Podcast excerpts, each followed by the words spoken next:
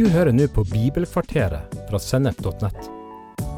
Bibelkvarteret er én kvarters påfyll i hverdagen fra Guds ord, både til inspirasjon og introduksjon til viktige temaer i Bibelen. Du vil også finne mer stoff på sennep.nett, som gir deg inspirasjon til å følge Jesus i hverdagen. Følg oss på Facebook og Instagram, og abonner på våre podkaster i Spotify, iTunes, Google Podkast, YouTube eller i den podkastappen som du bruker. Det er mange ting som er viktig for oss kristne. Men hva er egentlig det mest sentrale av alt? I dag vil jeg snakke om noe som stikker dypere enn både bibelleseplaner, søndagsmøter, cellegrupper eller gateevangelisering. Jeg vil snakke om relasjonen du har til Gud. Fellesskapet med Gud er både utgangspunktet, livsnerven og endepunktet for en kristen. Det etableres ved at du overgir deg sjøl til Jesus og blir født på ny. Deretter fortsetter dette livgivende fellesskapet ved Den hellige ånd og på mange forskjellige måter gjennom hverdagen vår. Uten at dette fellesskapet holdes friskt og rent, vil en aldri oppleve det overskuddslivet som Jesus snakker om, og som han har planlagt for oss. For å snakke om dette vil jeg ta utgangspunkt i Johannes, en av Jesu tolv disipler. Han har skrevet ett av Bibelens fire evangelier, tre av brevene og regnes i tillegg som forfatteren av Johannes' åpenbaring. Han var sannsynligvis den yngste av Jesu disipler. Han var dessuten regna som en av Jesu tre nærmeste, sammen med sin bror Jakob og Simon Peter. Gjennom tekstene til Johannes avdekkes det en tett relasjon til Jesus. I det siste kapitlet i Johannesevangeliet omtaler Johannes seg sjøl i tredje person. Han kaller seg sjøl for den disippelen som Jesus hadde kjær. Og så beskriver han videre det var han som hadde lent seg inntil Jesus ved måltidet og spurt, Herre, hvem er det som skal få råde deg? Johannes lente seg inntil Jesus, og han beskriver seg sjøl som den disippelen som Jesus hadde kjær. Johannes opplevde seg djupt elska av Jesus, og han var heller ikke redd for å fortelle om det.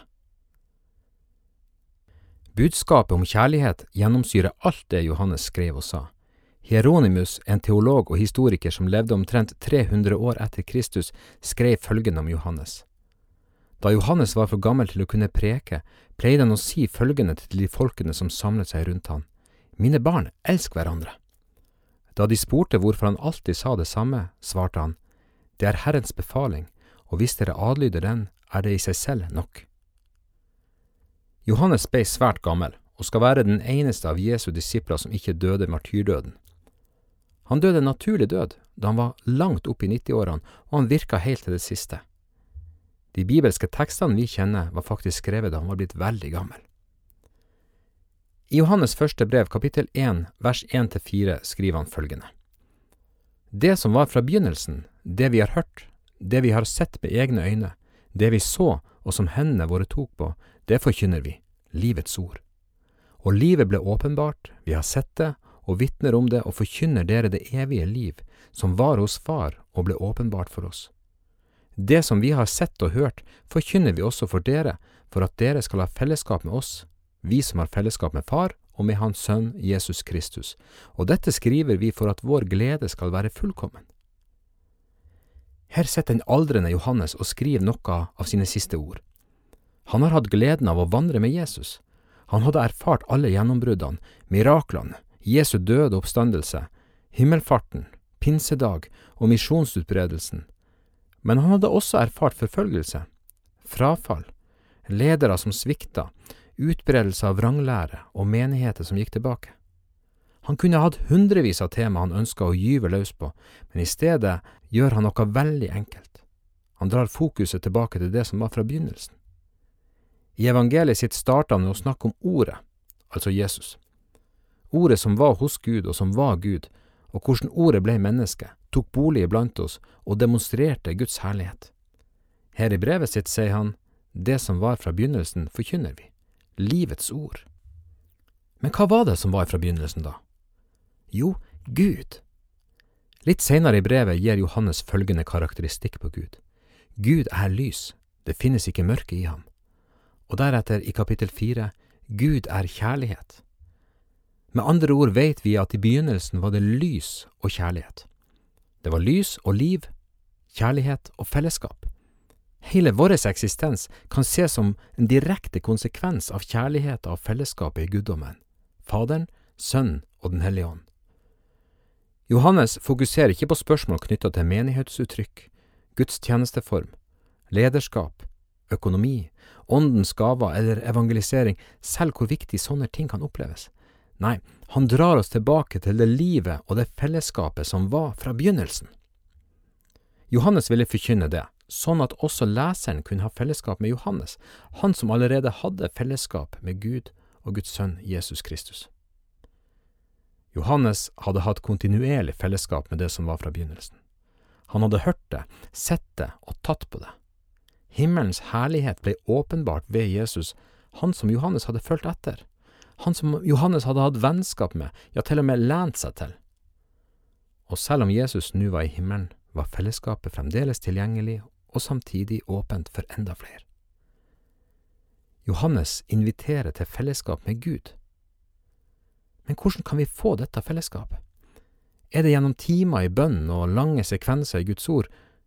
Er det ved å sprenge på alt av kristne møter og lytte til YouTube-undervisning dagen lang? Er det dette som etablerer fellesskap med Far? I vers fem leser vi Dette er budskapet vi har hørt av ham og forkynner for dere. Gud er lys. Det finnes ikke mørke i ham. Sier vi at vi har fellesskap med ham, men vandrer i mørket, da lyver vi og følger ikke sannheten. Men dersom vi vandrer i lyset slik han selv er i lyset, da har vi fellesskap med hverandre, og blodet fra Jesus, hans sønn, renser oss for all synd. Dersom du har tatt imot Jesus, vendt om fra din synd og latt deg døpe, har du per definisjon fellesskap med Gud. Da Jesus ble døpt, kom det en stemme fra himmelen som sa, Dette er min sønn, den elskede, i ham har jeg min glede. Sånn er det for oss også. Fellesskapet med Far etableres ved tro. Gud sier at du er hans datter eller hans sønn, og han kjenner glede ved deg. Romerbrevet kapittel åtte forteller også at Den hellige ånd og vår ånd sammen vitner om at vi er Guds barn. Fellesskapet er et faktum ved tro. Men dersom du likevel fortsetter å vandre i mørket, har du et problem. Det finnes ikke mørke i Gud, noe som gjør at det mørket du eventuelt vandrer i, skaper distanse.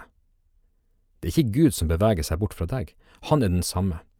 Men din og min vandring kan føre oss bort fra Far. Og fører det oss bort fra fellesskapet med Far, skaper det også distanse til brødre og søstre. Vårt privilegium er heldigvis å vandre i lyset. Gjør vi det, har vi virkelig fellesskap med Gud. At vårt kristenliv ser bra ut i det ytre, på sosiale medier eller på scenen i en gudstjeneste, vil reelt sett ikke hjelpe oss. Det eneste som hjelper, er å befinne seg i lyset. Du kan ha det travelt med mange gjøremål, men når du vandrer i lyset, vil du likevel kjenne det dype fellesskapet med Gud. Det kan være bråk og forstyrrelser, men vandrer du i lyset, vil du likevel merke at ditt indre er i fred og balanse.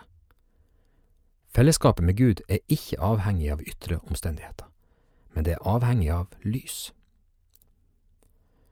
Videre snakker Johannes om renselse fra synd. Men trenger vi virkelig renselse? Er ikke vi blitt gjort hellige og feilfrie ved Jesu forsoning på korset en gang for alle? Jo, definitivt. Men la oss likevel lese kapittel 1 vers 8 til 2 vers 2.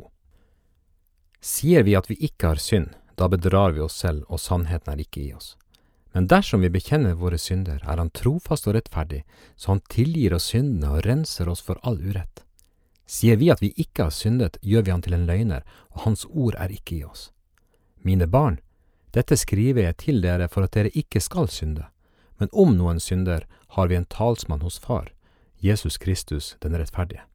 Han er en soning for våre synder, ja, ikke bare for våre, men for hele verdens. Dette skriver Johannes til kristne. Han tar et enkelt og klart oppgjør med folk som allerede tror at de er perfekt. Dersom vi tror at vi er perfekt, da bedrar vi oss sjøl. Vi også trenger å bekjenne våre feiltrinn, sånn at Jesus kan rense oss. Vi er tilgitt for alle overtredelser, men vi trenger samtidig en kontinuerlig renselse. Da Jesus ville vaske disiplenes føtter, prøvde Peter først å nekte. Da Jesus svarte at dette var nødvendig for at Peter skulle ha del i Jesus, ville plutselig Peter at Jesus skulle vaske både føtter, hender og hode òg. Da sa Jesus, Den som er badet er helt ren og trenger bare å vaske føttene. Vår kontinuerlige renselse er å la Jesus vaske vekk den skiten som fester seg til oss i livets vandring. Vi er rein, men føttene kan dessverre skitnes til av forskjellige grunner. En viktig ingrediens i renselsen er bekjennelse. Bekjennelse starter med en erkjennelse av de faktiske forhold. Gud vet alt. Vi kan ikke skjule noe for Gud. Men likevel kan det være fristende å prøve å unngå sannheten. Vi kan argumentere ivrig i vårt indre om at det vi gjorde eller det vi sa, ikke var så ille. Imens venter Gud på den enkle erkjennelsen som fører oss til den viktige bekjennelsen.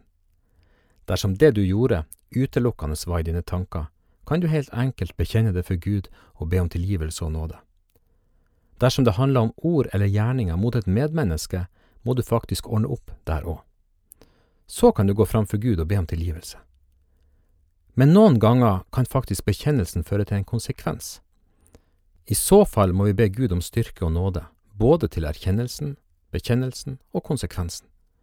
Det er bedre å legge korta på bordet og stå med en ren samvittighet framfor Gud, enn å leve i skjul med skam og fordømmelse.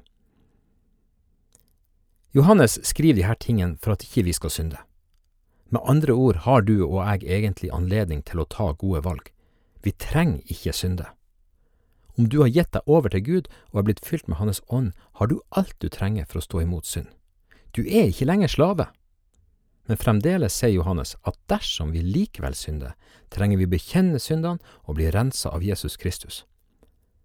Grunnen er enkel. Hvis ikke vi vandrer i lyset, har vi ikke fellesskap med Far. Og dersom vi ikke har fellesskap med Far, har vi heller ikke fellesskap med hverandre. Dette er alvorlig. Går det virkelig an å ha fellesskap uten å ha fellesskap? Kan en virkelig gå på møter og gudstjenester uten virkelig å kjenne fellesskap? Ja, det gjør det. Du ser helt vanlig ut. Du har de samme klærne, det samme smilet, de samme klemmene, og det samme uttrykket når du lovpriser, men på innsida er det tungt, mørkt og trist. Fellesskap uten fellesskap er tappende og slitsomt. Det fører oss lengre og lenger ut på sida, kilder på innsida som skulle vært utgangspunkt til både glede og fred, åndelige frukter og åndelige gaver, tettes sakte, men sikkert igjen. Overskuddslivet i ånden tørker inn, og du befinner deg plutselig i ørken. Fellesskapet med far er utgangspunktet for alt. Dette var en lærdom Johannes fant tidlig, og som fulgte han livet ut. Og så visste han at kjærligheten fra Gud var det som gjorde at han sjøl var i stand til å elske andre. Og han visste at det som var fra begynnelsen av, også var det som skulle fylle alt til slutt. Lyset og livet. Kjærligheten og fellesskapet. Har kristenlivet ditt blitt et pliktløp, med lesing, vitnetjeneste, møter og oppgaver? Eller kanskje det handler mest om teologiske diskusjoner og uenighet med andre troende? Eller har du kanskje havna i fordømmelse på grunn av en ubekjent synd? Johannes drar oss tilbake til far, til ei vandring i lyset med Han som er lys, Han som er kilda med levende vann, som skulle renne friskt fra hjertene til den som tror. Vi er kalt til fellesskap med kilder. Og først med utgangspunkt i det er vi virkelig i stand til å ha ekte fellesskap med hverandre.